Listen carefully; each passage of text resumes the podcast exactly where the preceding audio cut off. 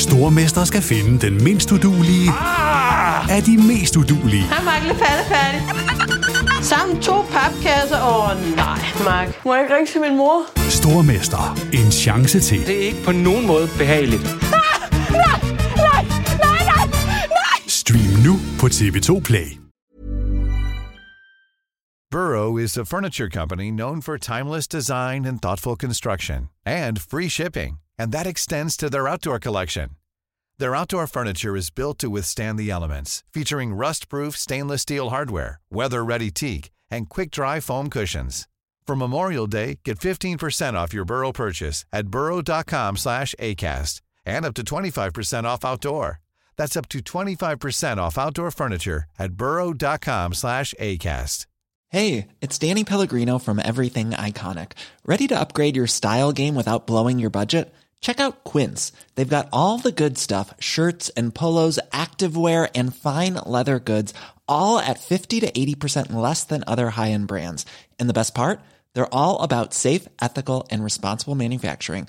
Get that luxury vibe without the luxury price tag. Hit up quince.com slash upgrade for free shipping and 365 day returns on your next order. That's quince.com slash upgrade.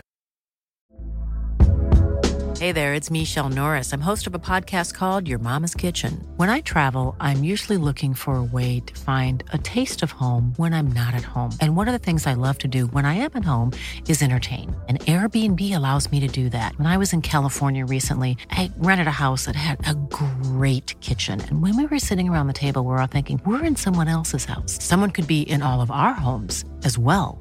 If you have a home, but you're not always at home, you have an Airbnb. Your home might be worth more than you think. Find out how much at airbnb.com/slash host. Du har fundet vej til NBA-podcasten fra TV2 Sport. God fornøjelse. Åh, der er det altså Antetokounmpo! Så færdig en aflevering. Åh, flyby! Kan du svare igen? MVP'en tryller. Ja, ja!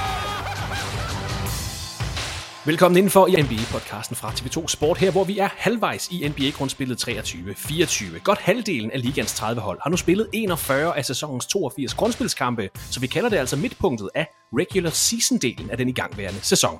Det betyder, at vi skal have evalueret i dagens podcast, hvor Peter Wang også uddeler sine mid-season awards, altså hvilke spillere og trænere, der lige pt.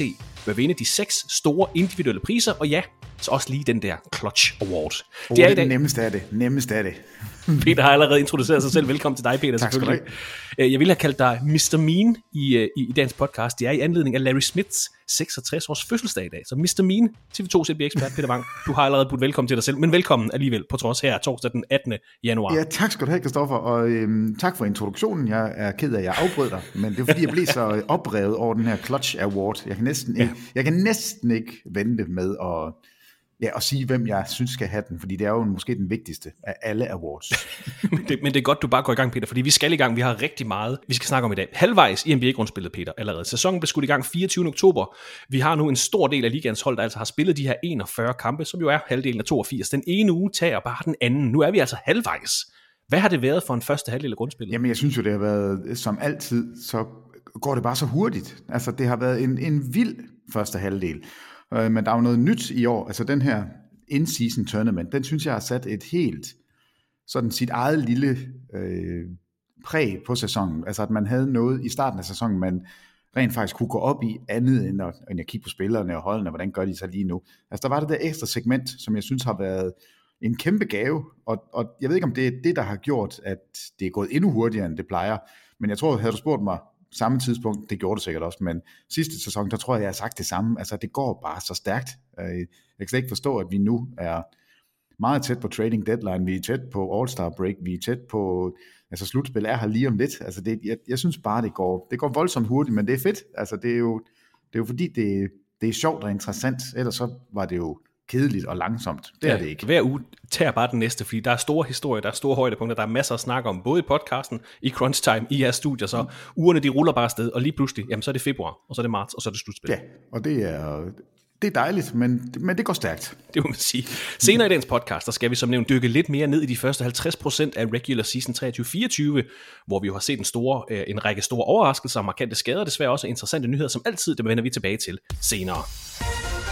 Men som altid, så lægger vi ud med en række af de største nyheder fra ugen, og lad os bare få det på bordet. Onsdag aften, cirka halv ni dansk tid, der fik vi altså et, et ret markant trade, kan vi godt sige, fordi Pascal Siakam skifter fra Toronto Raptors og til Indiana Pacers, der sender Bruce Brown, tre første runde draft picks til Toronto Raptors, og Jordan Nwora ryger også med. Vi har også øh, New Orleans øh, Pelicans som spiller en tredje part i den her handel. Også de sender altså Kira Lewis Jr. til øh, Toronto Raptors og et, et andet runde draft pick til Indiana Pacers. Pascal Siakam, to gange All-NBA-spiller, to gange All-Star, tidligere Most Improved Player, den næstbedste spiller på Toronto Raptors mesterskabshold fra 2019. Et mesterskabshold, der lige nu er helt væk, kan vi godt sige. Nej, der er en tilbage. Der er en tilbage. Ja, Boucher er den sidste. Chris Boucher er tilbage. ja, og han er altså den katapulten, han er der stadigvæk, og jeg håber, han bliver. Han skal være Raptors for life. Øh, men ja, det er en æra slut i Toronto, det må man og, sige. nu, og nu skal de bygge op om noget nyt. Cheftræner Nick Nurse er væk, Kyle Lowry er væk, Fred Van Vliet er væk, Pascal Siakam er væk, OG Anunoby blev traded til øh, New York Knicks tidligere på sæsonen. Pascal Siakam skal nu tørne ud for Indiana Pacers. Han er i det sidste år sin kontrakt, han har meldt ud, han er nok interesseret i at, at, at skrive under på en ny stor kontrakt med holdet. Jeg tror altså, det er en fremtidens mand i Indiana. Ham ind ved siden af Miles Turner, Tyrese Halliburton, alle de unge spillere, øh, uh, Matherin, Nembhard, Nihart. Hvad bliver det her for en størrelse, Indiana Pacers holdet? Jamen, øh, det er jo mega godt for Indiana, det her. Øh, og, og nu siger du sådan lidt, du tror, der er en aftale. Altså, hvis ikke vi ser Pascal Siakam for Indiana næste sæson, så vil jeg være fuldstændig rystet. Altså, historien er jo, at han er free agent til sommer, og han har sagt, at øh, ligegyldigt hvem I trader mig til, så vil jeg ikke skrive under på nogen kontrakt. Jeg vil ikke forlænge med nogen, og, og på den måde har han kunne skræmme en hel del hold væk. Og så tror jeg nok, han sådan også har sagt, måske, og ej, jeg tror måske godt, jeg vil i Indiana. Altså, så, så på den måde, øh, det sætter bare sådan en streg under, hvor svært det har været for, for Toronto at finde den rigtige trading partner, eller trade partner, fordi de hold, som potentielt ville tage Siakam ind, vil jo ikke give hele fremtiden væk, hvis de ikke har andet end bare en lejeaftale for, for de sidste måneder af sæsonen, og et håb om at vinde i slutspillet. Så de der mellemhold, de bliver taget ud af ligningen, fordi hvis ikke de kan vinde alligevel, så er det fjollet at gå ind i det her. Så er der Golden State Warriors, et hold, der måske kunne have vundet med Siakam. Der er Sacramento, jeg ved ikke, om de kunne have vundet med Siakam. Så er der Dallas Mavericks, altså de der hold, som mm. mener, de er en brik væk fra at, at virkelig kunne lave noget larm. Øhm, og så er Indiana det hold, som til sidst ender med at trade for Siakam, betaler også en, en forholdsvis høj pris, vi skal nok vende tilbage til det. Men det er helt sikkert, at der har været samtaler omkring, hvad sker der, når din kontrakt udløber, vil du blive her eller ej? Og havde han sagt, no way bliver jeg i Indiana, altså Indiana Pacers, det er ikke noget for mig, så er det her trade ikke sket. Fordi Indiana, jeg tror ikke, de realistisk tænker, at får vi Siakam nu, så vinder vi mesterskabet. Altså det, der, der er de ikke.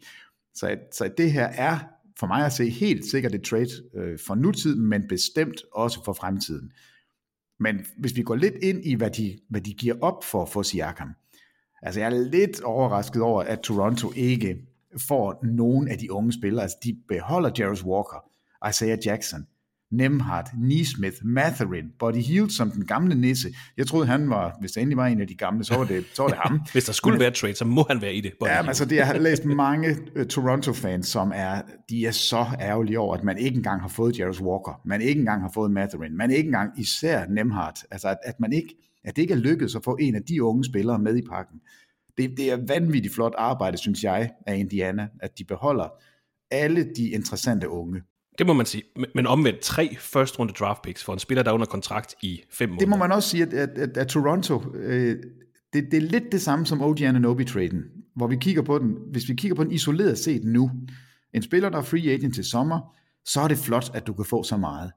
Men det vidner også om, at Toronto, synes jeg, er, altså de er med langsomme. Altså det, det her skulle være sket sidste sæson. Altså så havde returen været noget større. Øh, men det synes jeg ikke, vi skal måle det op imod. Toronto, de har gjort noget godt nu, i forhold til, hvordan de stod, men set over hele sådan historien omkring, hvorfor er OG Ananobi og Pascal Siakam ikke længere hos Toronto, så synes jeg, at et, en, en del af det må også være, det er spark med ringe, at man ikke gør det sidste sæson. Altså, men, men, men, men på trods af det, Peter, øh, og jeg har sendt dig den her oversigt, så du kender mm. den godt. Altså Raptors har traded OG Ananobi, Pascal Siakam væk, og til gengæld har de fået Emmanuel Quigley, RJ Barrett, Bruce Brown, som man måske godt kunne flippe videre for noget andet. Jordan Wara, så fik de uh, Kyra Lewis, Kira Lewis fra New Orleans Pelicans, uh, også en uh, forholdsvis lovende spiller, tre første runde draft pick, og et andet runde draft pick for de her to spillere. Det synes jeg, der er okay. Jamen, det er også okay, men havde du gjort det sidste sæson, der, der ja, hed det ja. jo sådan noget, både tre og fire første runde valg for dem begge to, altså. Øh, så, men, men vi skal ikke dvæle i fortiden. Jeg synes bare, det, det hører til historien, at Toronto har ventet, synes jeg, et år for længe. Og de, og de smider også Fred Van Fleet væk for ingenting. Øh, så, så jeg er ikke sådan helt lykkelig på Torontos vegne, men i forhold til, hvad de stod op imod, så var det her en, en fin retur, men, men hvis man skal tale om taber og vinder af sådan et trade, så synes jeg, at Indiana får mere ud af det end, øh, end Toronto her. Jeg synes, det er jo lidt mere lige med New York. Altså der, der, der kunne jeg bedre se Toronto være glad. Den her, den er, den er ikke lige så, det er ikke lige så godt, det, det arbejde, man har gjort den her omgang. Men, men Indiana er jo, det er jo det spændende hold nu, fordi Toronto, øh, det er fløjtende ligegyldigt lige den her sæson. Indiana er, synes jeg, mega interessante, fordi Lad os bare lige få gjort Toronto Raptors færdig, Peter, fordi så har vi ligesom lukket dem. Det er jo tydeligt, at de her lidt mere etablerede profiler, eller ikke tydeligt, men de har sendt de her to etablerede profiler væk, de har også mistet, som du siger, Fred Van Fleet, så tre etablerede profiler er væk fra holdet nu. Så vil de fleste jo kalde på, jamen det her det er jo åh, det er en, en stor rebuild, men det bliver vel mere sådan en rebuild fra sådan lige under midten, og slet ikke fra bunden, altså fordi, hvis man kigger på deres starting lineup lige nu, Emmanuel Quickly spiller godt, øh, så har de fået Bruce Brown, nu må vi se, om de beholder ham. RJ Barrett, Scotty Barnes, Jakob Pøtel. Jeg ved godt, det ikke er All-NBA-kaliber navne, måske Scotty Barnes på et tidspunkt, men det er vel ikke, altså, når man, når man kigger på bunden af Eastern Conference, er det jo ikke et hold, der kommer til at ende helt i bunden, hverken i år eller Nej. i næste år, så det bliver jo sådan et rebuild fra, fra midten eller fra bunden, hvilket man jo også sagtens kan gøre, og det kan også være, at de er i gang med at, at skabe det her attraktive miljø for, så når der kommer en, en stor free agent, altså ligesom sidste gang, øh, de vandt, eller ligesom da de vandt mesterskabet i 19, hvor de havde en infrastruktur, de havde et hold omkring, som man bare kunne plukke Kawhi Leonard ind på, så fik de succes det er, jo ikke, det er jo ikke det dårligste hold at kunne putte en free agent ind på, når du er flankeret af Scotty Barnes, af RJ Barrett, igen, ikke en all-star eller noget som helst, men en god, øh, solid rollespiller, en Bruce Brown, en Emmanuel Quickly, en Dennis Schröder, en Gary Trent Jr., de har altså en masse okay spændende brækker. Jeg siger ikke, det er et hold, der vinder mesterskabet næste år, ligegyldigt hvordan Scotty Barnes udvikler sig, men det bliver vel en, et rebuild fra midten. Kan vi Jamen det gør det, og, og det, der, det der har drejet sig om nu, det, altså man brugte jo sidste sæson til sådan at finde ud af, hvor god er Scotty Barnes, hvor meget øh, skal vi bygge op omkring ham, er han en sådan en cornerstone, og det blev tydeligt, at øh, det tror vi, han er, og, og jeg synes også, han har, han har spillet som om han er, og derfor så har man i år sagt, okay, vi kigger lige, hvad er, det for, hvad er det for noget, vi skal have retur, når vi begynder at pille det her hold fra hinanden og bygge op omkring Scotty Barnes. Og det er unge spillere, ung talent, draft picks, og det er jo rigtigt, når du lister det op på den der måde, så har de jo fået præcis det, de skulle. Altså de har fået gode unge spillere omkring Barnes. Øh, så det er ikke for at, at pille det hele ned. Jeg, jeg, nej, jeg vil bare nej, jeg sige, at sidste, det havde været bedre at gøre det sidste år, hvis man ville have fuld valuta. Men altså, det, man skal jo også finde ud af, hvad er det egentlig, vi har. Og det er jo tydeligt, at Siakam ikke har været lige så god sammen med Barnes, som han, øh, og Barnes har ikke været lige så god sammen med Siakam. Altså nu kan de begge to nok blive endnu bedre, øh, og hvor vi kan se sådan det fulde potentiale fra Barnes. Øh, og, og jeg håber, at Indiana de, de får en, en Siakam, og jeg tror også, at de får en Siakam, som vil være langt bedre, end han har været på det seneste i Toronto. For det er en klasse spiller, de får fat i, og han er altså et, et fuldstændig perfekt match til det, Indiana mangler. Altså jeg læste en artikel, hvor der stod, og jeg synes, det var så præcist, at jeg vil gerne stjæle det. Altså at han forstærker det, de er gode til i forvejen. Altså det, det er jo ligaens bedste offensiv, all time, vi taler om. Og de løber meget, og de er mega gode til at spille i højt tempo. Det er lige noget for Siakam. De kan spille med det der five man out. Øhm, Siakam har aldrig haft så meget plads, som han får nu. Og han er virkelig dygtig i det der midtpost område, hvor han på finurlig vis, altså han kommer altid til gode afslutninger med sådan nogle krøllede bevægelser.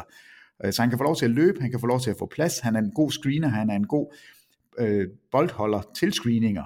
Øh, og, altså på alle måder passer det her godt sammen. Han kommer til at elske at spille sammen med Tyrese Halliburton, og han kommer til at elske at, at have pladsen. Han har simpelthen ikke prøvet det her før.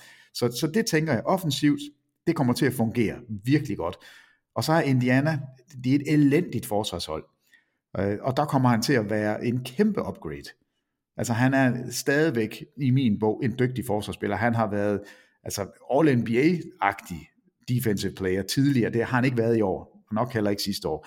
Men hvis han kan finde lidt af det tilbage, som han, han var i mesterskabsåret og, og de følgende år, altså All-NBA-årene og All-Star-årene, så er han forsvarsmæssigt en kæmpe upgrade for det, de har.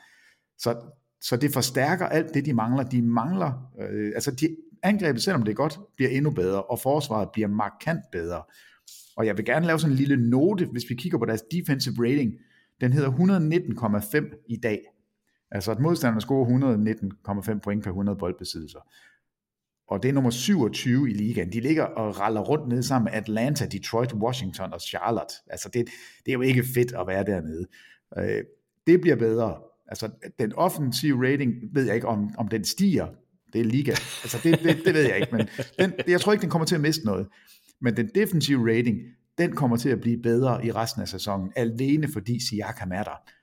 Og, og jeg, jeg synes virkelig, det er, det er en meget, meget fin handel. Det er, ja. det, det er godt, det Indiana har lavet.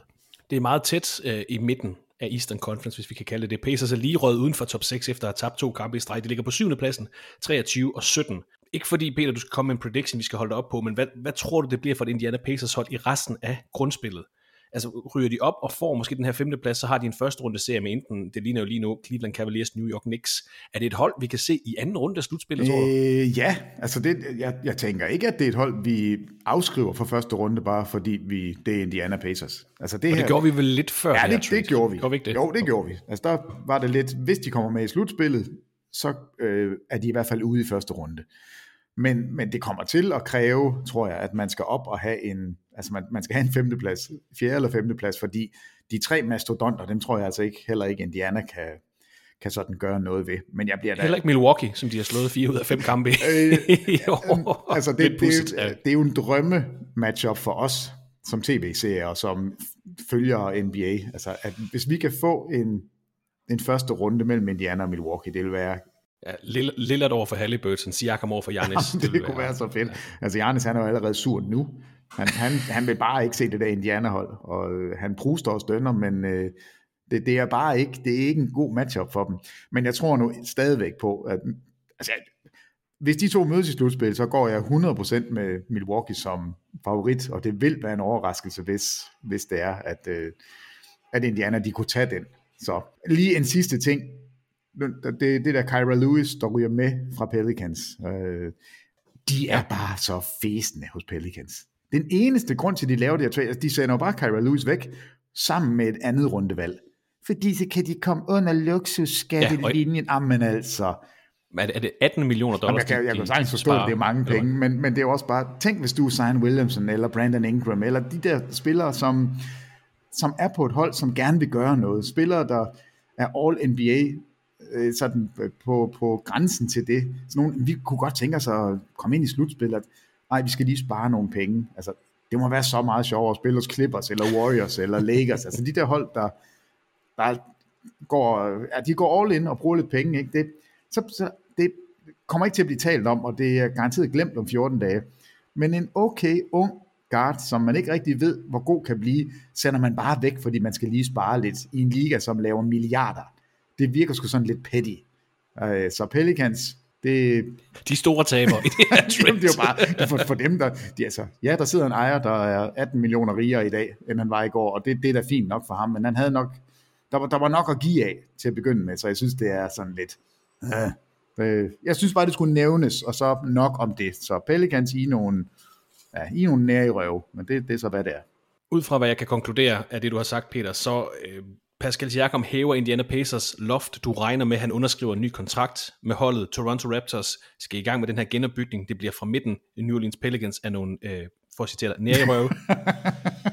Bare lige for at, at opbremse det igen. Indiana Pacers får Pascal Siakam. De får et anden runde draft pick fra New Orleans Pelicans.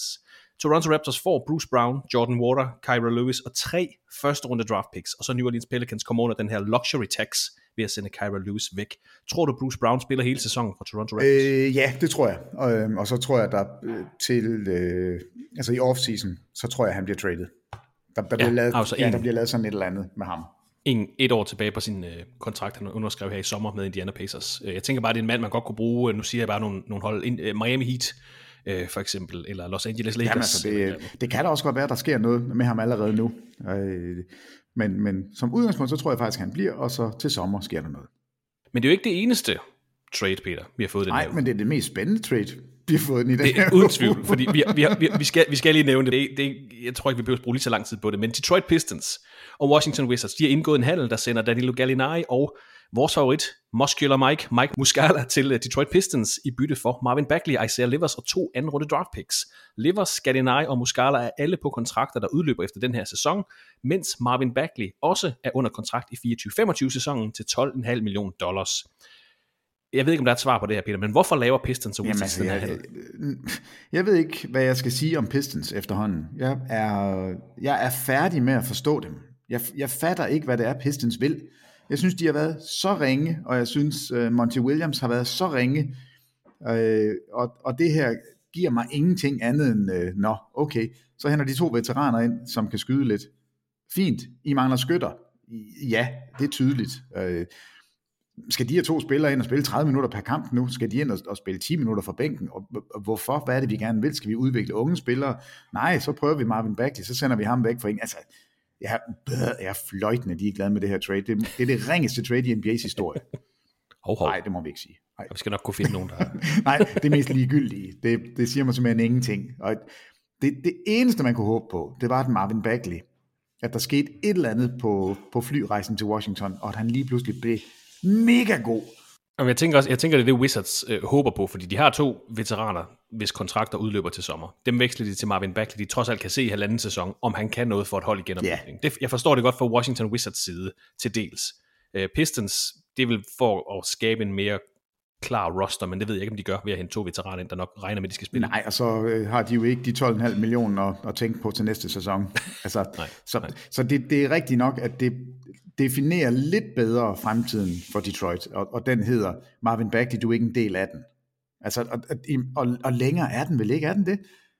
Altså, og det er jo ikke to hold, der står og, og, og, og nærmer sig noget som helst. Altså, måske, måske er det simpelthen fordi Detroit, de med næb og klør bare ikke vil være det dårligste hold i NBA's historie, fordi de, de ligger altså stadigvæk dernede og, ligger, ligger godt og til det, roder. Jamen altså, tænk sig engang, hvis de kun vinder syv kampe, ikke?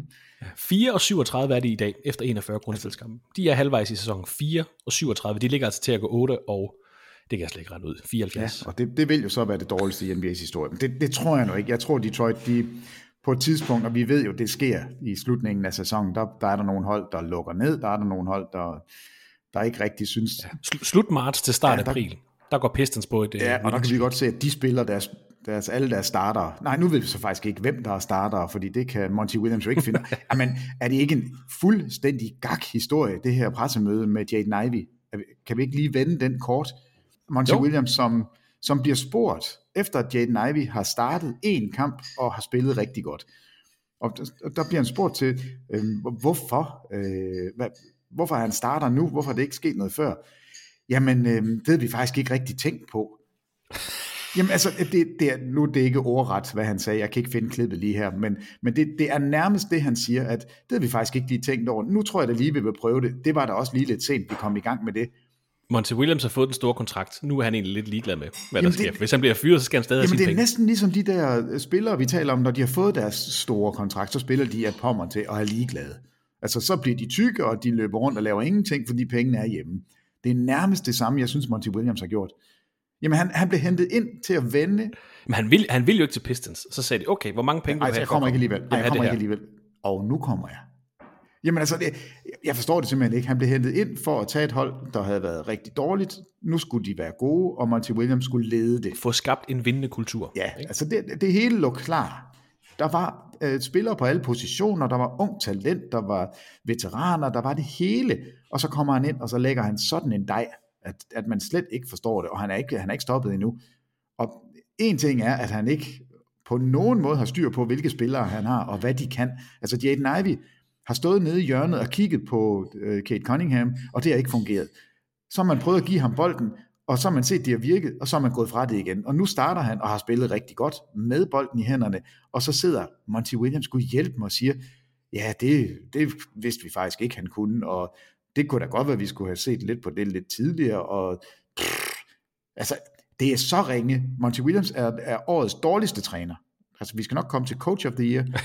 det, det bliver ikke Monty not, Williams. 4-37. Not, not Coach of the Year, det er Monty Williams på alle måder. Nej, hvor har han været ringe, og hvor er Detroit ringe, og hvor har de bare ikke fået hjælp nogen steder fra. Det kan være, at det bliver øh, Mike Muscala, der kommer ind og, og redder deres sæson nu. Det var, det var nok galle omkring det her elendige Detroit-hold, og hvor elendig Monty Williams har været. Vi bliver i den lidt uh, kedelige ende af NBA, lad os bare kalde det det, fordi skadesproblemerne fortsætter hos Memphis Grizzlies, hvor holdets startende profil Desmond Bain nu meldes ud de næste seks uger med en forstuet ankel. Og, og nu sidder vi her og, og, og griner og, og joker. Det er ikke fordi, det er sjovt, at vi sidder og griner. Øh, den her historie om Memphis Grizzlies i år er bare absurd. De her skader, der har påvirket øh, sæsonen. Sidste år, der vandt de 51 kampe, endte som nummer to i Western Conference i år er Steven Adams ude for sæsonen, uden at have spillet for dem. Ja Morant er ude for sæsonen, nåede at komme tilbage fra karantæne, spillede ni kampe, inden han skulle opereres i skulderen. Brandon Clark har ikke spillet for holdet nu, kommer måske tilbage efter All-Star-pausen her i, i midt februar. Marcus Smart er ude de næste 5-6 uger med en fingerskade. Jack LaRavia er ude i 2-3 uger med en ankelskade, og så den her Desmond Bain skade oveni. Det er, altså det er absurd, fordi de havde lige fået lidt positiv vind efter Ja Morant kom tilbage. Man vandt fire kampe i træk. I start januar var man 4 af 5 øh, vandt man fire af fem kampe, og måske, måske kunne Grizzlies kravle op i play-in-feltet. Måske kunne de øh, øh ikke redde deres sæson, men få lidt positivt ud af den her sæson. Peter, du har tidligere lukket Grizzlies sæson, at det ikke blev til noget som helst for dem i år. Så trak de lidt i en anden retning her i december januar. Nu er det vel definitivt slut for Grizzlies, for alle de her skader gør vel, at vi, altså, vi kan afskrive dem tæt på 100% fra play-in-feltet. Ja, det, det bør vi kunne. Altså alt andet vil være helt skørt. Men altså, der er en lille silver lining. Der er en lille god ting med det her, og, og skal vi allerede give en pris nu? Det, det kan vi godt. Er det, er det altså, den det, mest prestigefyldte pris? Ja, men det er det. Øhm, og, og jeg har øh, virkelig vaklet. Det har været svært for mig, fordi øhm, Laurie Markkanen er jo kommet tilbage og har spillet. Altså det, det er i hvert fald gået under radaren, hvor god han har været. Øh, Utah Jazz, de vinder alle deres kampe lige nu, og det, hvis, hvis man skal pege på én ting, så er det Larry Markkanen. De er 13-4 i de seneste 17 kampe. Larry Markkinen snitter 24 point, 9 rebounds, 2,5 assist.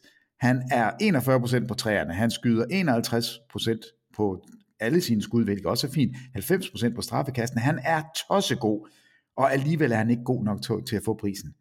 Altså, det, det, det, er jo, det er jo helt vildt, men vi er nødt til at gå til Grizzlies. Okay. Og det er der, der er en lille smule godt at hente, fordi de seneste to kampe, hvis jeg havde fortalt dig på et tidspunkt, at deres topscorer ville hedde Vince Williams Jr.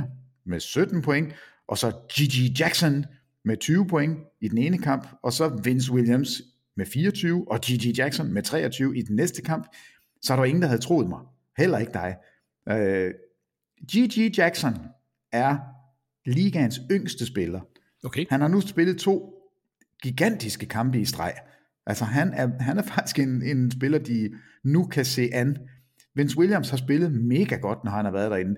Så man har to unge talenter, som nu vil få al den tid, de skal bruge på at vise Memphis, at, at der er noget hos os. Og måske kan det her være startskud til, at Memphis de får lidt mere hår på brystet for de unge spillere. Alle de gamle skader, de er jo væk, når vi kommer til næste sæson. Man kan starte ud med en helt frisk start. Helt friske spillere, plus unge spillere, som er jamen, altså, som lige pludselig kan noget, og har vist noget, og hvor træneren har, har, har tro på dem. Så jeg synes, vi skal give dem altså en, en dobbeltpris igen. Jeg tror, vi har gjort det et par uh. gange, men, men den her gang. Vince Williams og Gigi Jackson, de er nødt til at få den sammen, fordi det er fremtiden for Grizzlies, i hvert fald i den her sæson. Stort tillykke til uh, den unge duo hos uh, Memphis Grizzlies, Gigi Jackson og Vince Williams Jr. You're the real MVP. Så vi skal ikke kalde det en, en tabt sæson, måske resultatmæssigt, men de kan også bruge sæsonen, som du siger Peter, på at udvikle de her unge spillere. De kan måske bruge det til at få et højt draft pick, endnu et asset, en byggesten til fremtiden. Øhm, problemet er jo bare, at som vi har snakket om, der er en, en, en håndfuld, lille håndfuld, meget mere elendige hold, der har booket de her nederste pladser. Øh, så det, øh, så vidt jeg lige kunne læse mig til, så det er ikke et ret stærkt draft her i 2024. Og de ligger med den, den 6. værste record lige pt. Lad os bare for nemhedens skyld sige, at Memphis Grizzlies får 6. valget i 2024-draftet. Det kan vel meget øh, nemt blive sendt videre i trade, for netop at bygge videre til næste sæson og fremtiden, fordi den her sæson er lukket for Grizzlies. Og jeg tror desværre ikke, det bliver en helt bundplacering, fordi vi har Pistons, Hornets, Wizards og de andre hold. Så det bliver sådan et, øh, altså et, et, et femte, sjette, syvende valg. Kunne man ikke godt forestille sig, at de vil sende det videre, og så kigge på, okay, hvad mangler vi så til næste sæson, hvor alle profilerne er tilbage, altså Ja Morant er tilbage, Steven Adams er tilbage, vi har øh, Desmond Bain tilbage på den her skade også, så det er vel næste sæson, det handler om. Altså det, det, det er helt sikkert næste sæson, det handler om, og jeg tror alt er i spil. Altså det kan sagtens være, at de drafter en og beholder. Altså det, det, den, det største asset, man kan have, det er, det er unge spillere på deres første kontrakt, fordi de ikke får nogen penge. Altså det, det, øh, hvis du har en god spiller på rookie-kontrakten, det er der, du for alvor kan, kan få noget ud af det. Så hvis man har den rigtige spiller, så beholder man ham. Men jeg tror bestemt også, at det er, det er i spil at lave et trade, hvis man kan se, at det giver mening for fremtiden, fordi det er et hold, vi har sagt det nogle gange, men de har været nummer to i Western Conference i to af de seneste tre sæsoner. Det er et hold, som vi har regnet med, altså fremtiden var lys, vi er der nu. Altså, Ja Morant tilbage, så kan det her hold, altså jeg siger ikke, de kan vinde mesterskabet, men jeg siger, at de kan måske vinde mesterskabet. Altså så, så gode var de. Og, og det skal de jo holde fast i næste sæson. De kan ikke bare sige, okay, vi venter en 3-4 år og venter på et ungt talent, der bliver godt, og så er G.G. Jackson jo også blevet 23, og så kan vi, altså nej, det her hold er godt nok. Så alt er i spil til sommer, men den her sæson, den er slut. Der er ikke noget at gøre ved det. Men altså endnu en øh, ærgerlig nyhed til Memphis Grizzlies, der altså er ramt af et uh, regulært skades helvede, der går altså halvanden måned, før vi ser Desmond Bain igen. Den seneste uge har til gengæld også budt på et markant gensyn, kan vi godt kalde det, hos Golden State Warriors. Vi har set Draymond Green få comeback. Det var her natten til tirsdag, at han gjorde, øh, vendte tilbage til banen efter at have mistet de seneste 16 kampe for holdet. 12 af dem var, var med karantæne givet af ligaen, de seneste fire var for at spille sig i kampform igen. Det blev altså til 12 kampes karantæne til Draymond Green Peter Warriors. Også et hold, som de fleste havde forventet sig mere af. Hvad kan vi gøre status på dem nu, hvor Green er tilbage? Øh, der kommer vel lidt et, et boost til det her slukkede mandskab, kan vi godt kalde det, og meget apropos Memphis Grizzlies, så var det dem, de tabte til i Draymond Greens øh, comeback-kamp. Øh, en kamp, Jamen, de nok skulle have vundet. Skulle have vundet? Øh, ja, det, det er da fuldstændig elendigt, at man ikke vinder sådan en kamp. Øh, både fordi, nu er Draymond Green tilbage, nu er vi nødt til at vise, at, at vi, vi er tilbage som hold. Vi kan det, vi kunne før. Altså, vores tur mod at sikre os en play-in, en play-in-plads, altså den, den skulle gerne starte nu, og det, ja, det gjorde den jo så ikke. Øh, og Draymond Green startede med at komme fra bænken og spillede altså 24 minutter, og selvfølgelig skal han lige i kampform igen. Han har siddet ude i 16 kampe, øh, altså de seneste 16. Øh, han har siddet ude i fem kampe med det der over, overfald på, på Rudy Gobert, hvor han prøvede at kvæle ham. Det kostede fem kampe. Så det er jo en stor del af sæsonen, han ikke har været der. Men, men ja, det, er, det er jo faktisk halvdelen af deres ja, kampe. Men det er med en streg i regningen at smide en kamp til, til et hold fra Memphis, hvor du lige har nævnt otte spillere, som ikke har, ikke har kunne gøre noget som helst. Altså det, det, det holder bare ikke, og jeg er spændt på, hvad der sker med det her, øh, ja, det her Warriors-mandskab, fordi som det er lige nu, der er de ikke, der, der er de simpelthen ikke gode nok. Jeg har kaldt det et slukket mandskab. Altså, Jamen, det er der, der, er sgu, der er sgu ikke ret meget... Øh, hverken, der er ikke noget energi, der er ikke noget liv, der er ikke en skid. Og 18, der er 18 og 22 efter 40 kampe ligger på 12. pladsen i Western Conference. Jo, og der er ikke andet end sådan dårlige vibes. Uh, Andrew Wiggins, hvorfor kan du ikke længere spille? Hvad med dig, Kevin Looney? Du ser altså langt mere langsom ud, end du nogensinde har været. Jonathan Kuminga, der siger, at de har tabt, øh, eller jeg har tabt min tro på at, at forstå, hvad, hvad de gerne vil med mig. Hvad sker der med så Potsinski eller Podjemski? Ja, altså, det, det skal vi lige have. Vi er nødt til lige at finde ud af det, fordi... Det, det plejer at være dig, der kan navnene, Peter. Det er ikke mig, du skal spørge om det Nej, men nu staver jeg så for dig. P-O-D-Z I-E.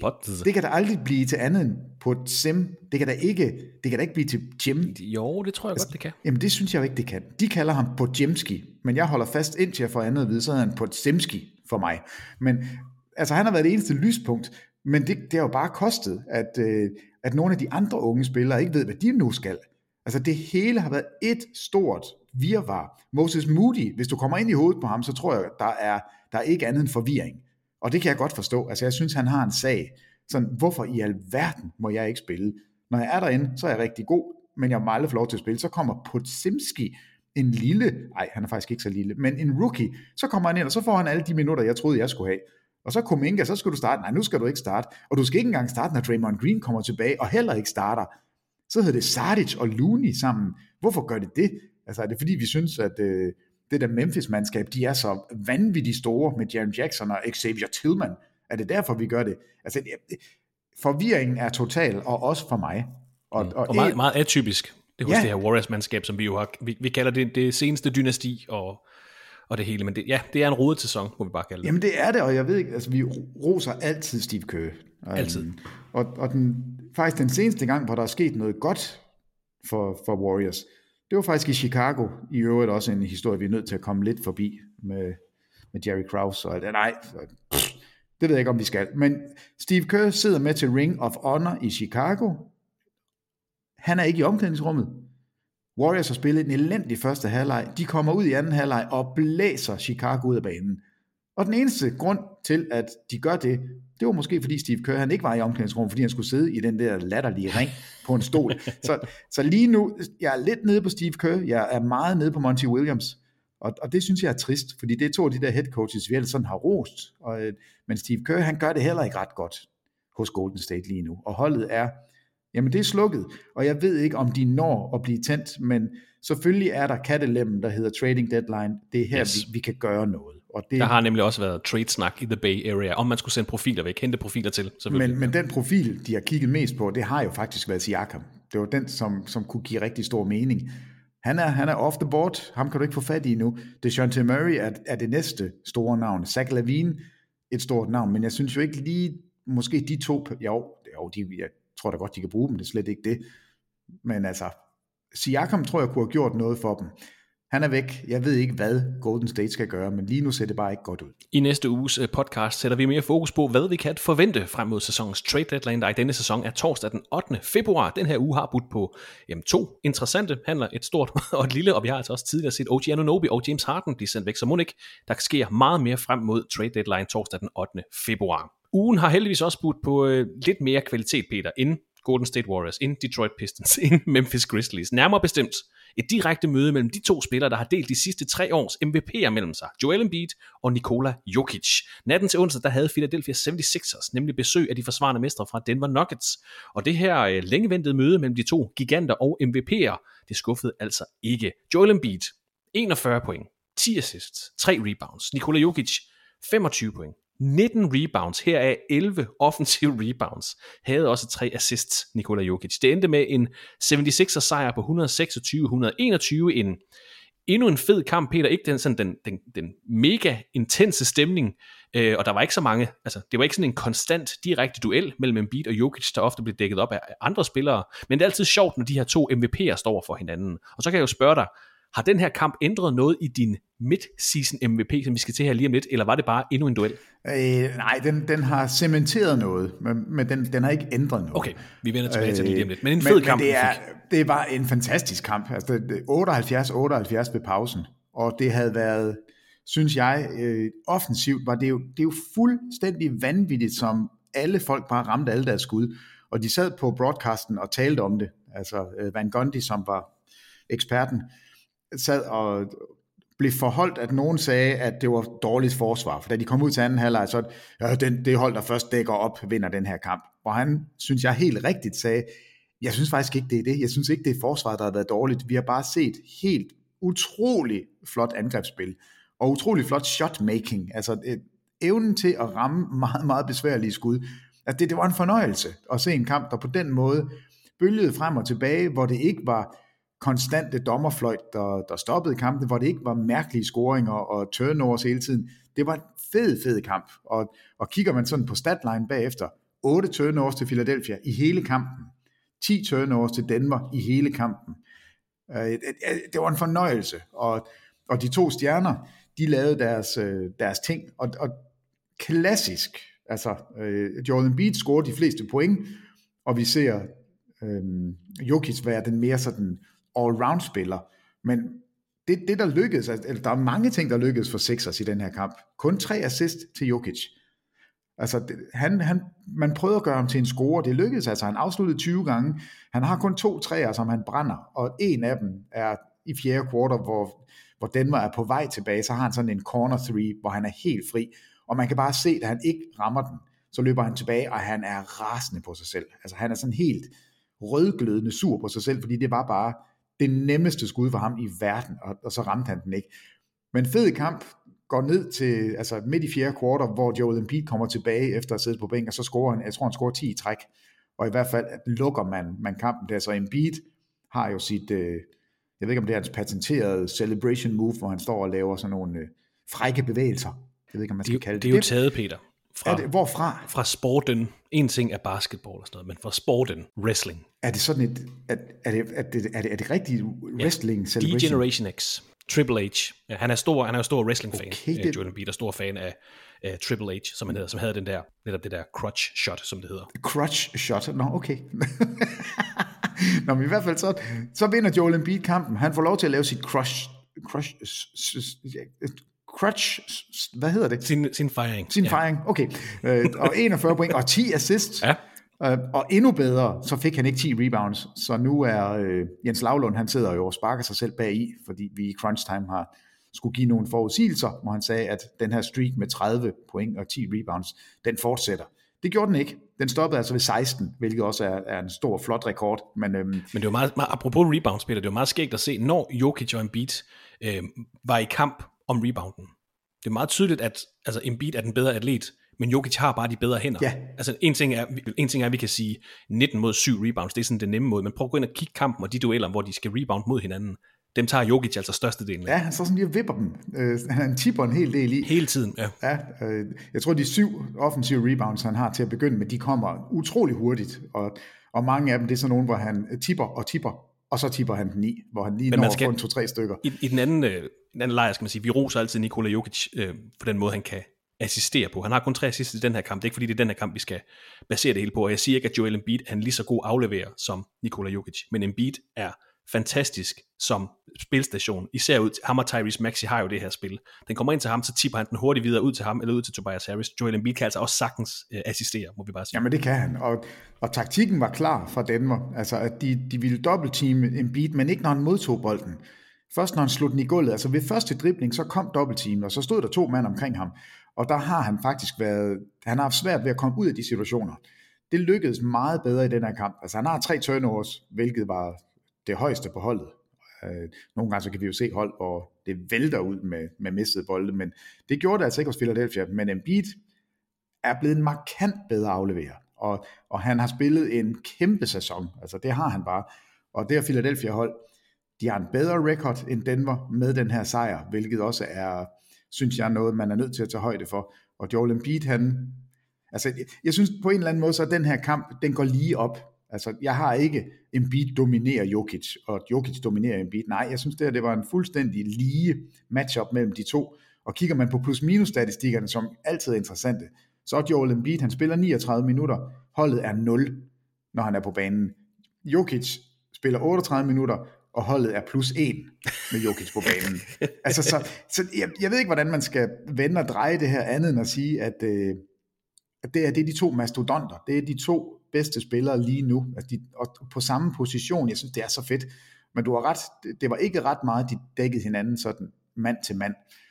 Stor og, forskel og det, fra tidligere centerdueller, vi har set i NBA's historie, hvor det hele tiden var altså den store center over for den anden store center, og så skulle vi se, hvem der kunne holde til mest. Det her, det, var sådan, det er lidt mere flydende, det er lidt mere flydende positioner, og hvor de bevæger sig over forsvarsopgaver også. Ja, men, men hvis man ser en Joel Embiid-kamp, så synes jeg, det er, det er i øjnefaldende, hvor, hvor gigantisk stor han virker, når han skyder.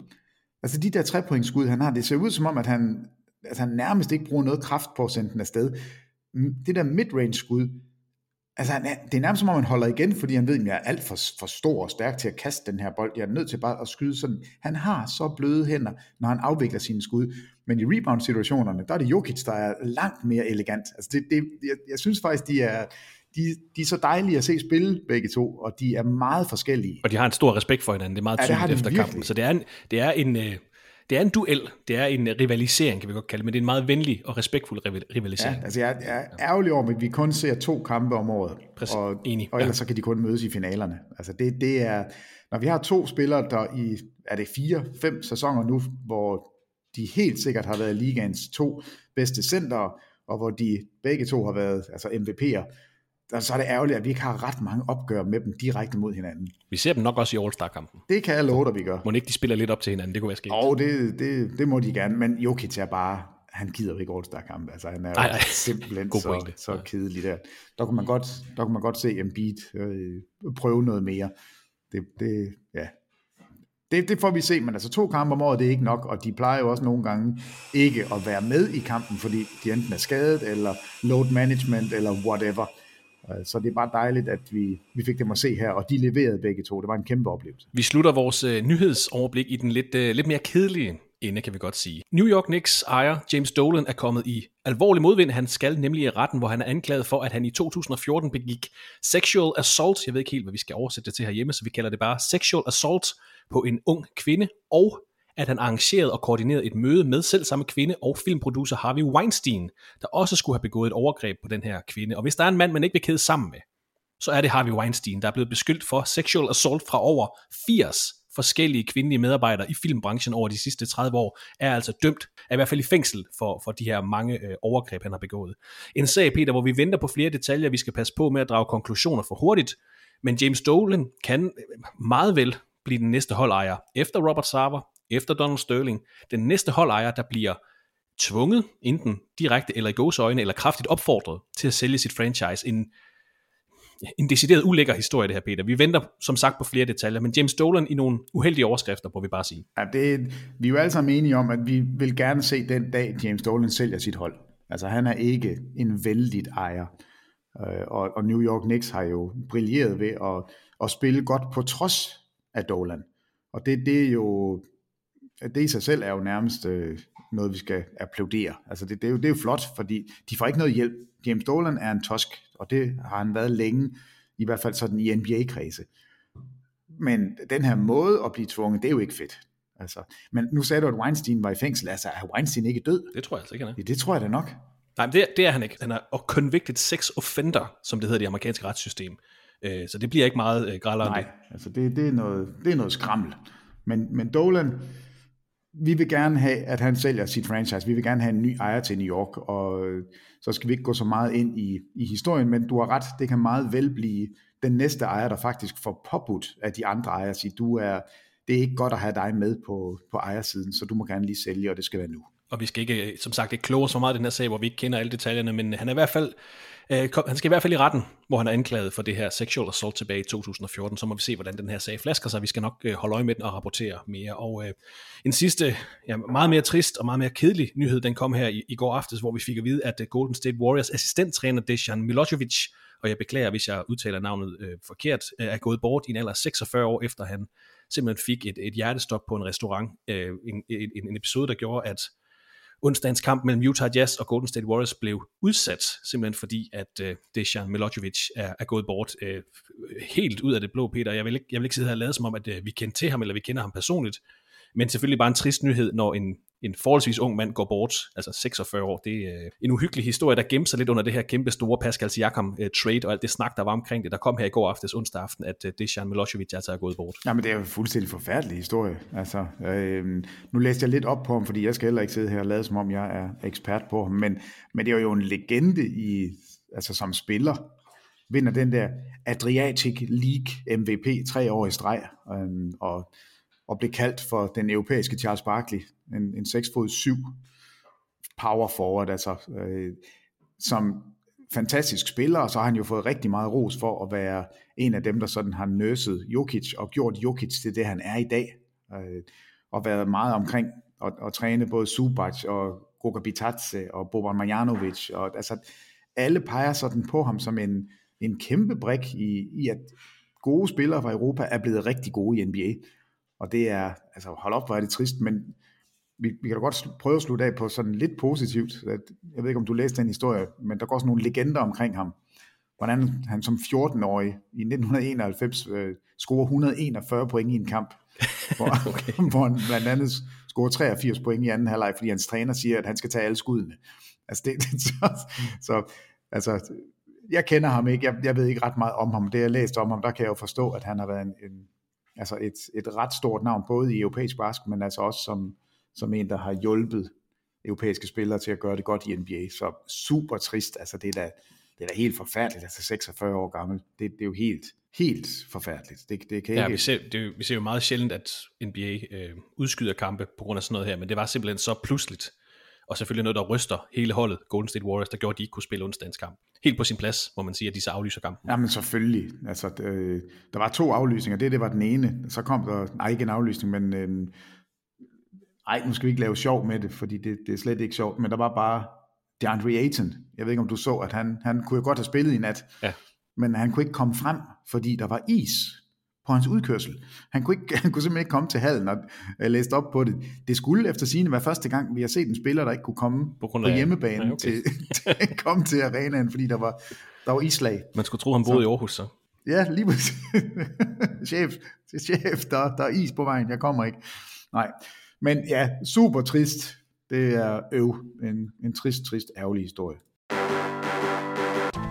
prøver at hive øh, stemningen lidt den anden vej her med vores store tema for dagens NBA-podcast. Det er midtpunktet i NBA-grundspillet.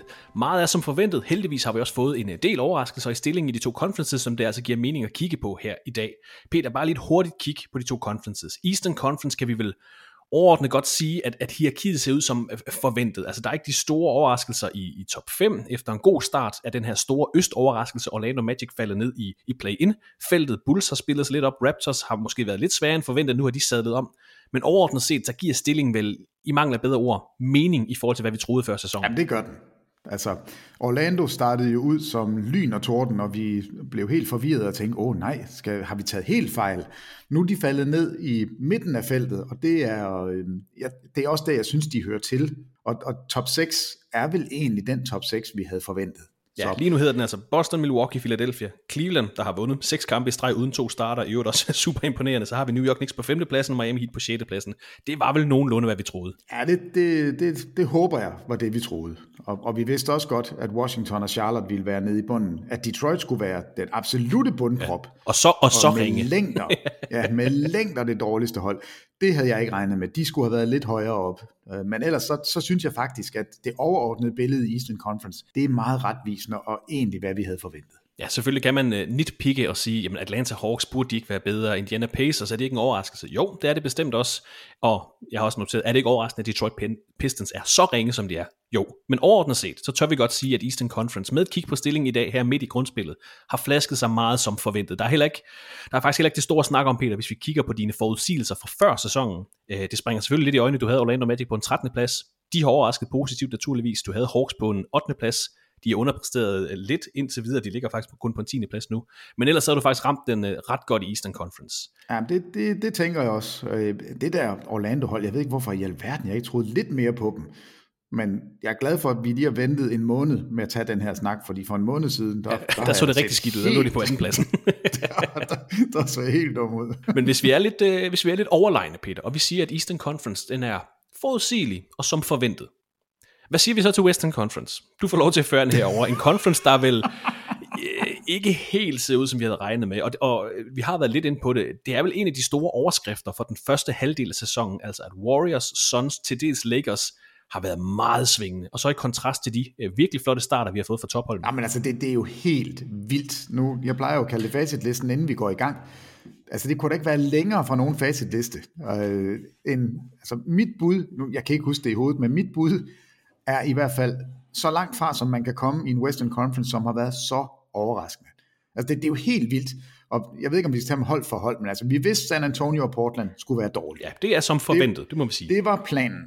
Memphis, der må jeg bare sige, det, jeg, jeg synes, vi er nødt til at, Jamen det, at kalde en spade for en spade, og sige, at vi har taget fejl omkring, altså Jamoran var ude de første 25 kampe, det troede jeg, at man kunne, kunne klare nogenlunde, fordi vi så tendensen i sidste sæson, at de godt kunne spille uden Jamorant, og man hentede Marcus Smart til. Så de burde ikke være så dårlige, som de er, men omvendt, så har skaderne bare taget fuldstændig pippet fra det her mandskab. Helt enig. Så de, ja. jeg, jeg synes, de skal ud af ligningen. Altså, hvor de slutter hen, er... Det, det, jeg skal ikke stå på Nej, mål for, at jeg havde dem i mere, top 6. mere end undskyldt med Memphis Grizzlies. Ja, det, der, der tænker jeg, den, den, den er fin nok. Ja. Golden State yes. Golden State Warriors på 12. pladsen, og Steph Curry har spillet kampe, Clay Thompson har spillet kampe, Wiggins har været der, så har han lige været lidt væk, så han kommer tilbage igen, Looney har været der, Kuminga og Moody, altså jeg ved ikke, hvor undskyldningen er. Hold nu op en undervældende sæson, det har været. Altså det, det er helt vildt, og ender de hernede, kommer de ikke engang med i play-in-kampene, så vil det være en, jamen altså en gigantisk skuffelse. De ligger under... Ja, du, skød, du skød dem på en fjerde plads. Ja, jamen, det, det er pinligt. Ja. Altså, det, det, det var måske også lige lidt overmodigt, men at de ligger hernede, det er, det er for ring. Og det, der er vildt mærkeligt, det er, at de har været så dårlige på hjemmebane. Altså sidste år var de utrolig gode på hjemmebane, ufattelig dårlige på udebane. I den her sæson 11-11 på hjemmebane. Altså de har vundet 11 og tabt 11 på hjemmebane i deres nye, store, flotte arena. Og Steph Curry har spillet. Altså jeg, jeg, ved ikke, hvor, jeg ved ikke, hvor jeg skal placere Steph Curry i hierarkiet lige nu, fordi han må jo også tage en del af, af skylden for, at Golden State ikke har været gode. Eller hvad? Er han den eneste, der, der skal gå fri? Det kan vi snakke om om lidt. Men altså Golden State, puha, den er skidt. Det ser lidt bedre ud i dag for Lakers, fordi de nu er inde i play-in-systemet. Og det, er, det synes jeg gør en forskel. Altså den der streg mellem 10 og 11, den er, den er markant for mig. Øhm, men det er jo kun med, altså, det, det er jo med meget lille maven. De har tabt 21 kampe, Golden State Warriors har tabt 22. Så det er jo ikke fordi, de sådan vælter ind og blander sig. Men Western Conference, det store billede er, at hold nu op, hvor der er rykket rundt på det, vi forventede.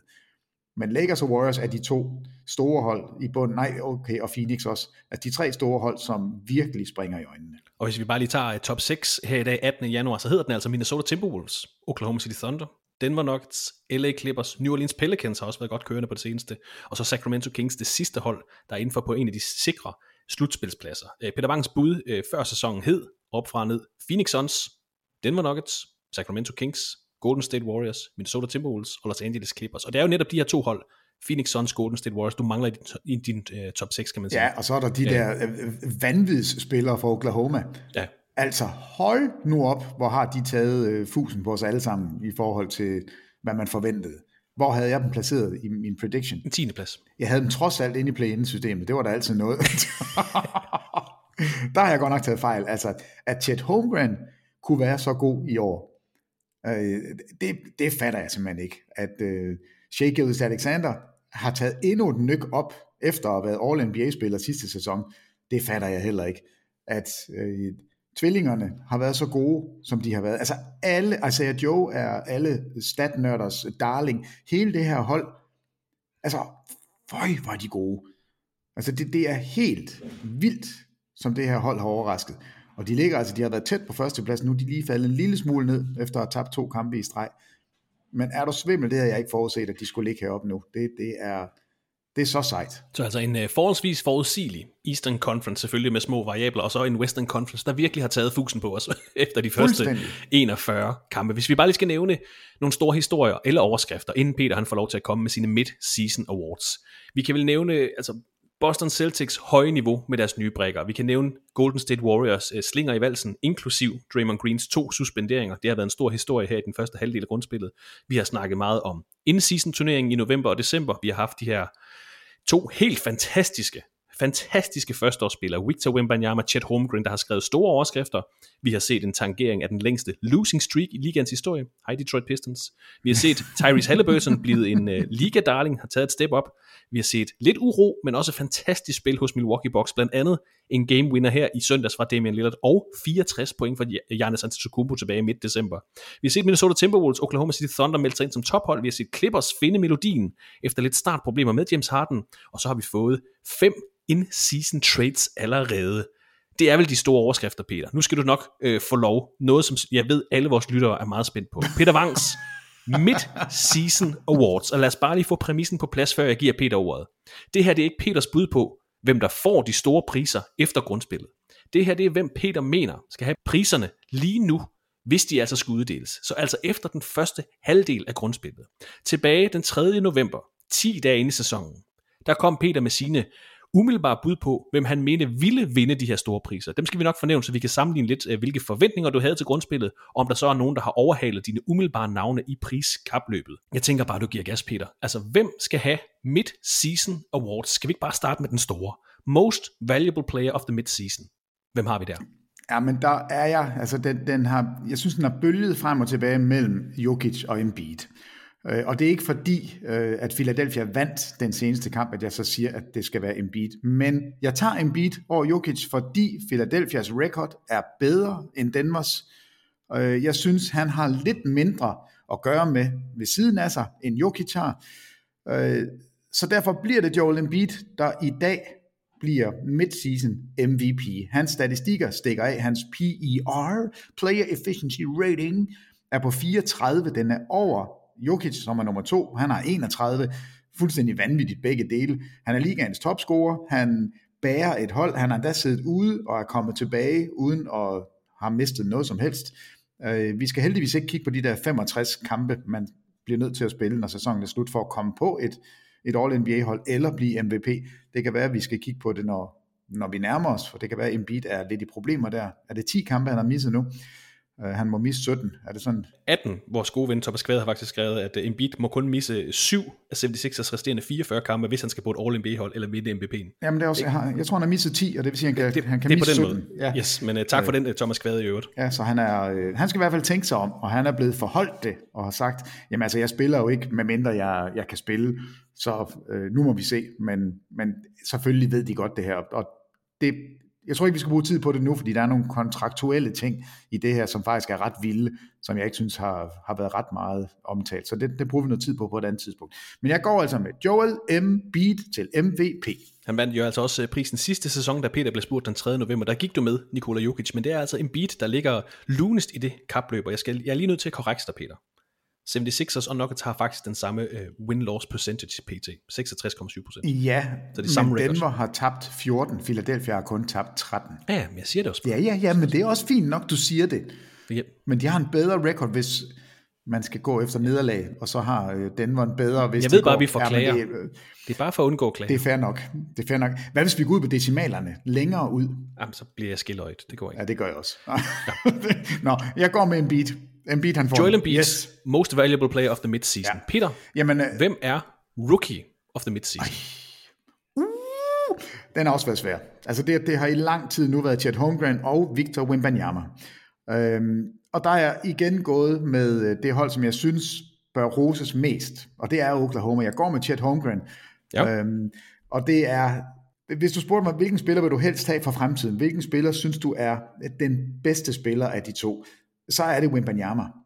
Øh, men jeg synes, man skal hylde et hold, som har overrasket så stort, øh, og han har været så stor en del af det, Chet Holmgren, og så er han langt mere effektiv. Altså han, hans skudprocenter er så meget bedre end Chet Holmgrens, og jeg ved godt hvorfor. Altså han spiller på et langt bedre hold, hans skud er, er mere åbne. Der er tusind grunde til, at Chet Holmgren han kan være så god, men jeg har været mere overrasket over, hvor god Holmgren har været, end jeg har været med Wembanyama. Øhm, Ja. Jeg går med Chet Holmgren, og det, det, det kunne lige så godt have været Wemby, men altså, jeg, jeg tror om fem år, så kigger vi og siger, ej, hvor er Wembanyama god, og Chet Holmgren, du er også god, men Wembanyama, det her er... Jeg kigger på dem lige nu og siger, ja, de er gode, de, så det, vi behøver de, ikke vente. De, er, de er vanvittige, men Wembanyama, den der wow-faktor, det er helt vildt.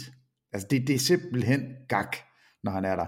Men jeg synes, vi er nødt til at give den til Chet Holmgren lige nu, og så må vi se til sommer, om, om Wembanyama har lavet så mange ting i løbet af sæsonen, at, at vi ikke kan, kan sidde det overhørigt. Men i dag, Chet Holmgren. Chet Holmgren, altså rookie of the mid-season, Victor Wembanyama var ham, du pegede på øh, 10 dage inde i sæsonen. Og nu vi lige er ved Rookie of the Year-prisen, så sniger jeg lige denne uges Jaden Ivey Award ind. Det er jo en pris, vi ved at udgive til en undervældende præstation, og som opkald efter den spiller, der i sidste sæson havde den lavest samlede plus-minus i grundspillet Jaden Ivey fra Detroit Pistons. Fordi denne uges award går til øh, den spiller, som både Peter og jeg øh, lidt modigt gik med til Rookie of the Year tilbage i september og oktober. Scoot Henderson, der sidste torsdag var minus 56 i Trailblazers nederlag til Oklahoma City Thunder. Et nederlag på 62 point, 77-139. En tangering af det femte største nederlag i historien. Ugens Jaden Ivey Award, den, den gav sig selv. Scoot Henderson. Minus 56, det er det næst laveste målt i NBA's historie, og det er faktisk anden gang i den her sæson, at vi har en spiller på minus 56. Miles Bridges gjorde det samme tilbage i midt december. Det er bare en god sæson, vi er gang i, Peter. To spillere på minus 56. Scoot Henderson, næst laveste plus minus i historien, femte største nederlag i historien. I rest my case. Scoot Henderson, her er en Jaden Ivey Award. Jeg tror stadigvæk på Scoot. Man skal ikke kalde ham et bust. Han vinder ikke Rookie of the Year i år. Han skal nok blive god. Tilbage til Peters priser. Jeg sneg bare lige min pris ind.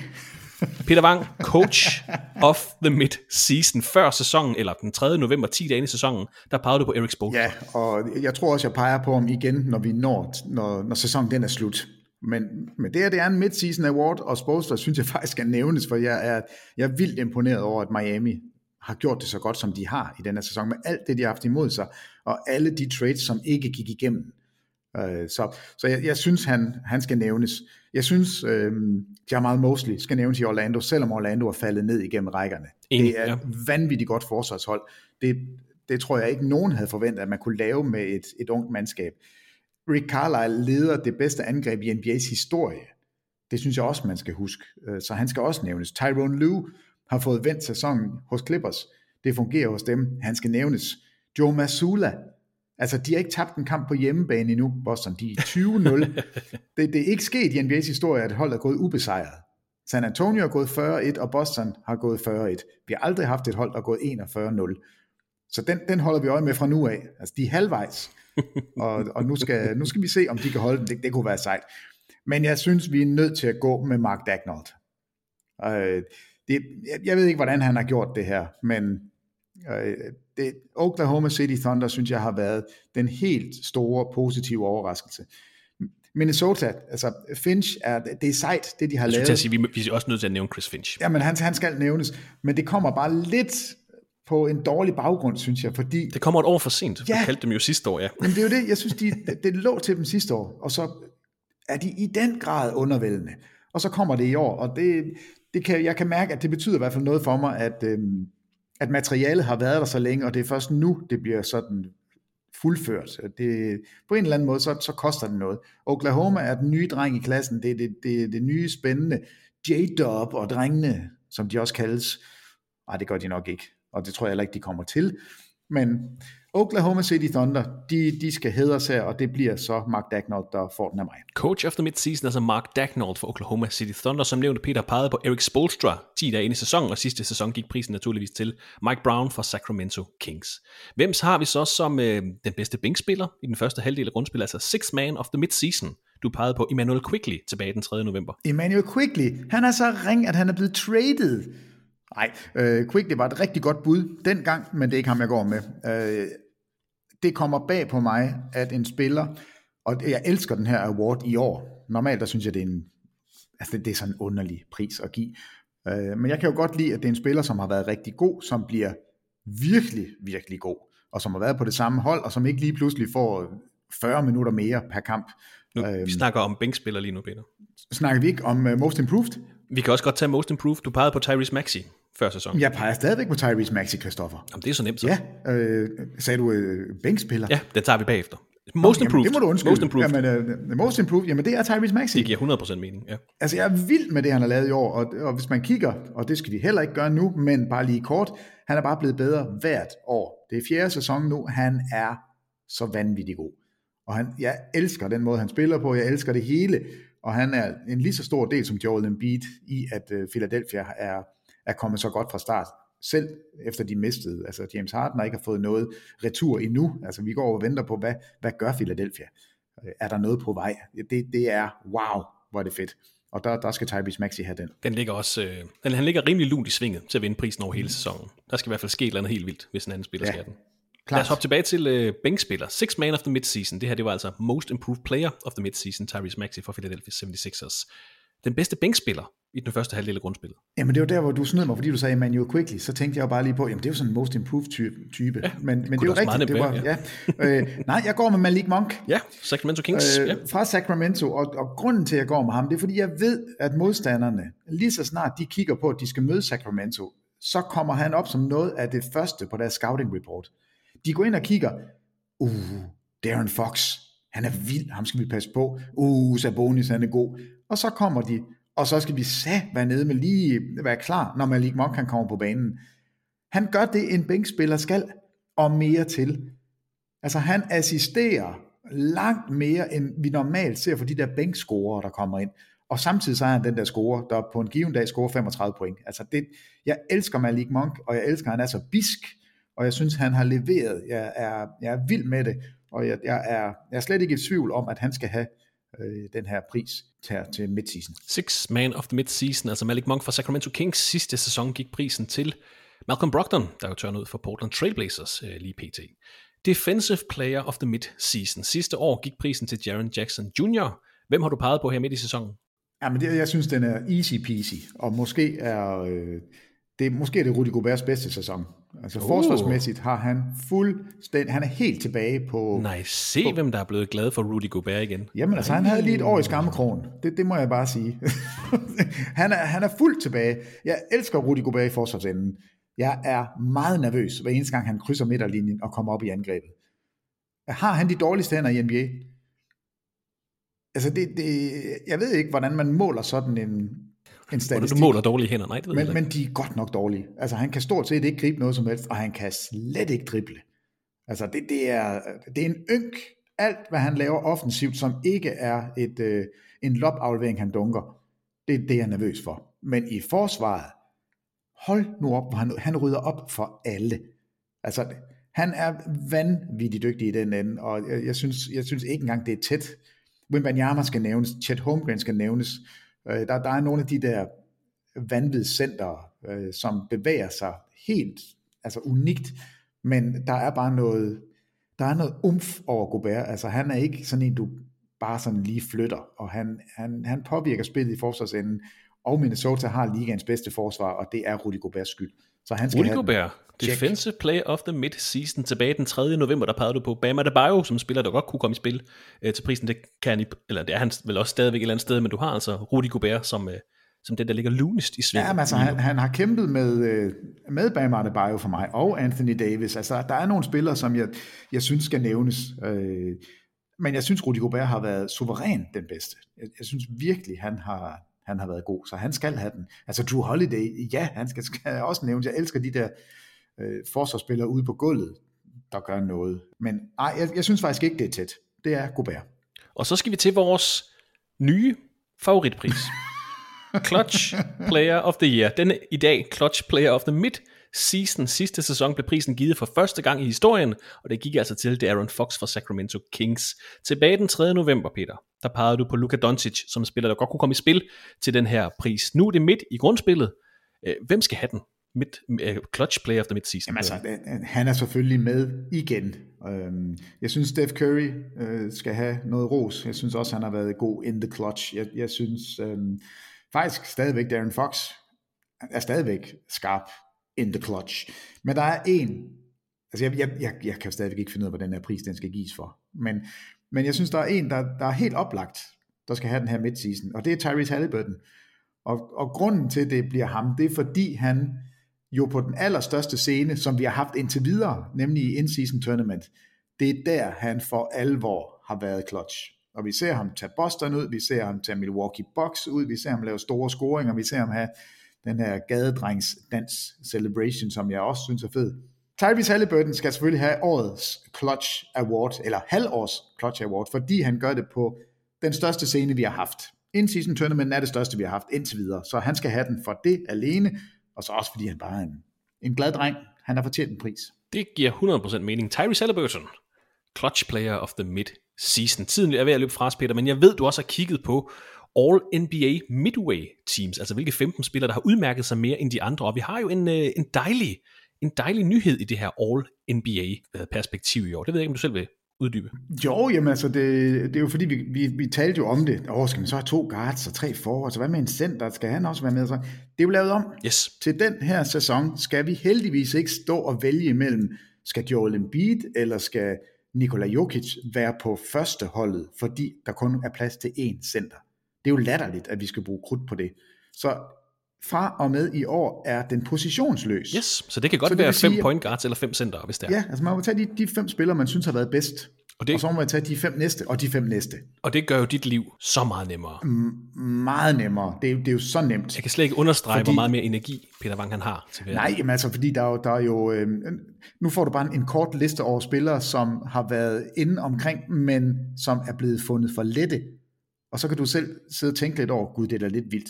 Okay, Desmond Bain, vi starter i den bløde afdeling. Meget lidt. Det her det er spillere, der ikke er på din All-NBA spillere, der-. Okay, Der ikke er med. Brandon Ingram, let afdeling. Ikke? Zion Williamson, mm, tung afdeling. ja, Jimmy Butler, oh, oh, så er vi allerede ved at være deroppe af, ikke?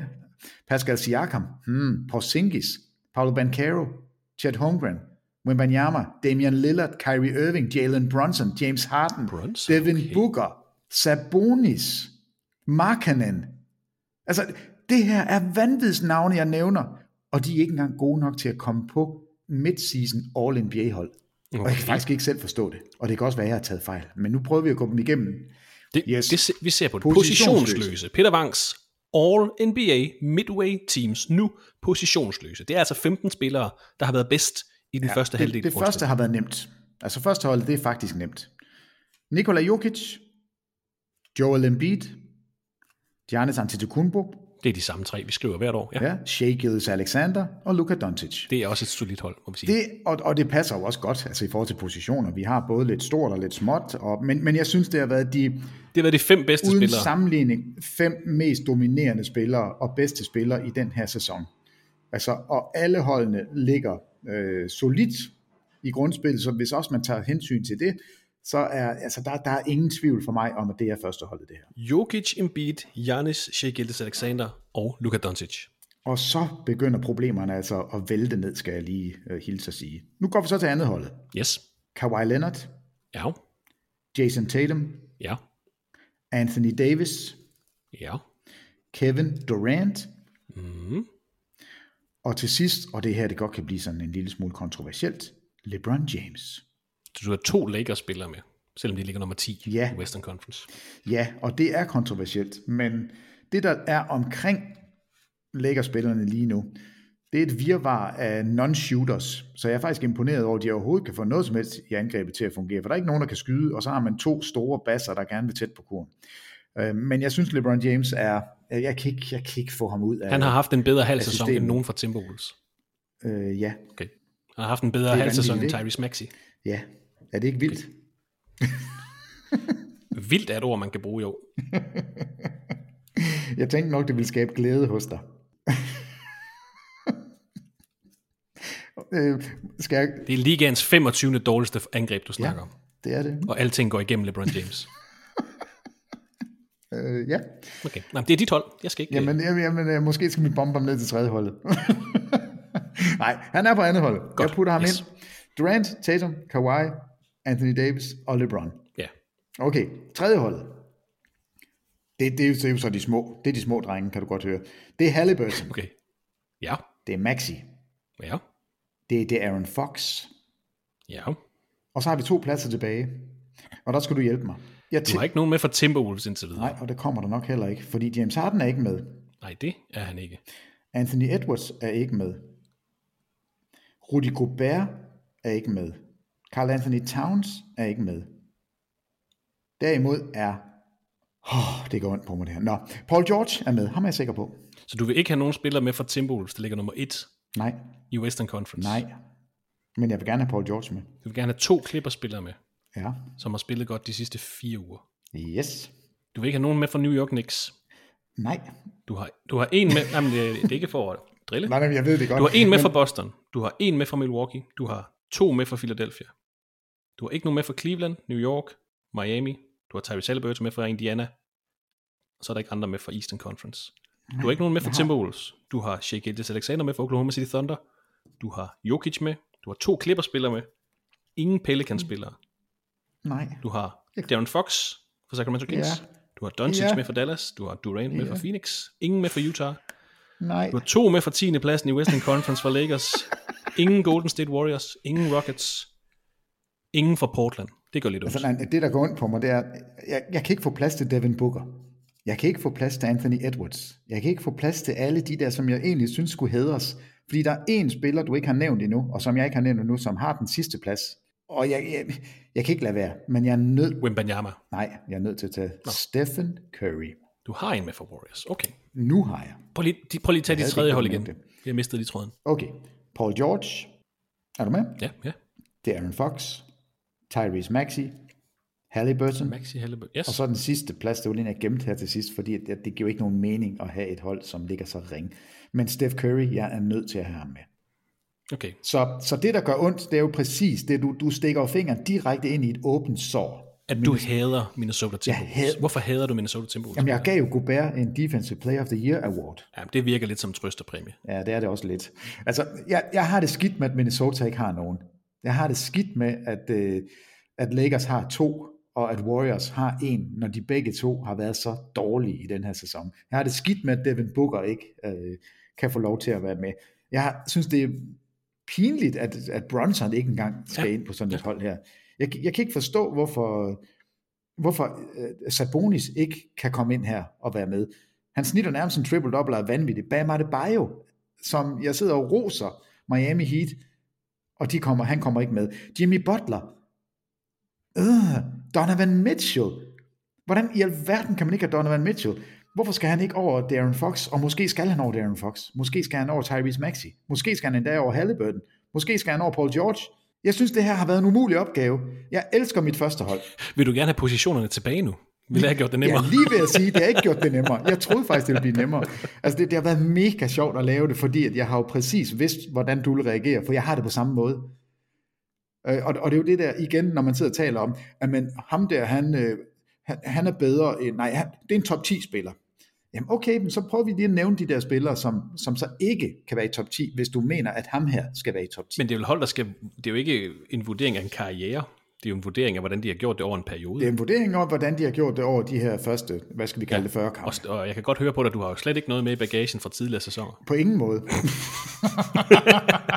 Nej, det, det, det er nemt at sidde og drille, når det er mig, der giver dig opgaven, og så kan jeg bare sidde og reagere på den. Det Jamen, altså, det, der, der, hvor jeg har problemet. øh, jeg har et problem med LeBron. Jeg har et problem med Paul George. Jeg har et problem faktisk både med Maxi og, og Darren Fox. Altså det, det er de fire spillere, hvor jeg tænker, hvorfor ikke? Ja, Maxi har været en stor historie. Ja, og, men, men, jeg, men er det, det nok? Ja, øh, Darren Fox, at, at det han har lavet, han har spillet helt tosse godt, men holdet har ikke været helt gode nok, og alligevel ligger de jo faktisk rigtig fint.